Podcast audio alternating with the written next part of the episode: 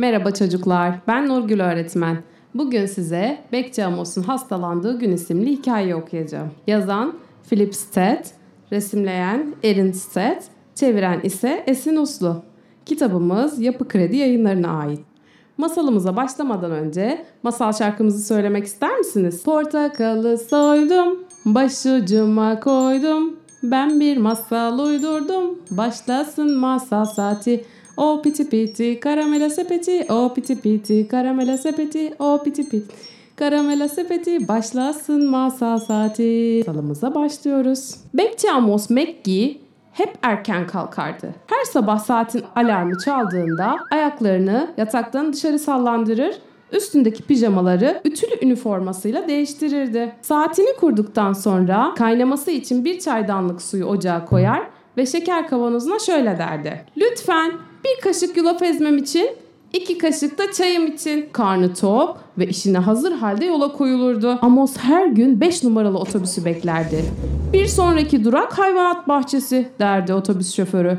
O da saat 6 tam zamanında diye yanıtlardı. Amos'un hayvanat bahçesinde çok kişi vardı.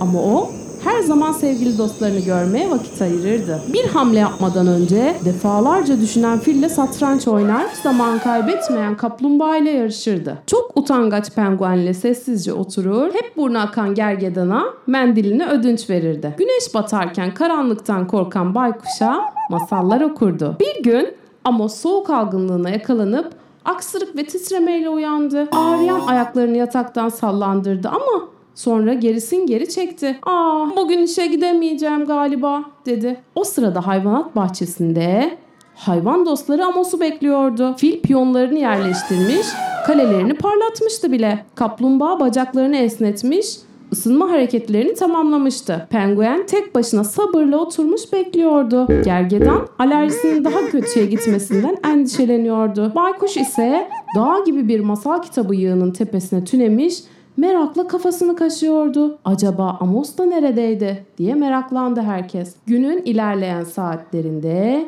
tüm hayvanlar otobüs durağına gittiler. Otobüse bindiler ve Bekçi Amos'un evine doğru yol aldılar. Yaşasın! Bütün iyi dostlarım burada. Fil bir set satranç oyunu hazırladı. Amos da hamlesini yapmadan önce düşündü de düşündü. Bugün hiç yarışamayacak kadar yorgunum. Hadi onun yerine saklambaç oynayalım dedi Amos kaplumbağaya. Kaplumbağa kabuğunun içine saklandı. Amos da yatak örtüsünün altına. Amos esnedi. Biraz şekerleme yapabilirim. Penguen Amos'un ayaklarına ilişip sessizce oturdu. Ayaklarını sıcacık tuttu. Ha ha ha hapşu diyerek hapşırdı Amos. Gergedan mendil hazırlamış onu bekliyordu. Kendimi çok daha iyi hissediyorum. Hepinize teşekkür ederim dedi Amos. Ayaklarını yataktan sallandırdı. Beraber bir çay içsek dedi. Amos saatini kurdu. Geç oluyor artık dedi. Hadi bakalım sabah otobüse yetişmemiz lazım. Bunun üzerine Amos file iyi geceler diledi. Kaplumbağaya da iyi geceler dedi. Penguene ve gergedana da. Amos'un karanlıktan korktuğunu bildiği için ışığı söndürmeden hikaye okuyan baykuşa da. Bir de onu dinleyen Ada'ya, Ali'ye, Arya'ya, Batu'ya, Nefin'e, Beren'e ve Uraz'a da iyi geceler diledi.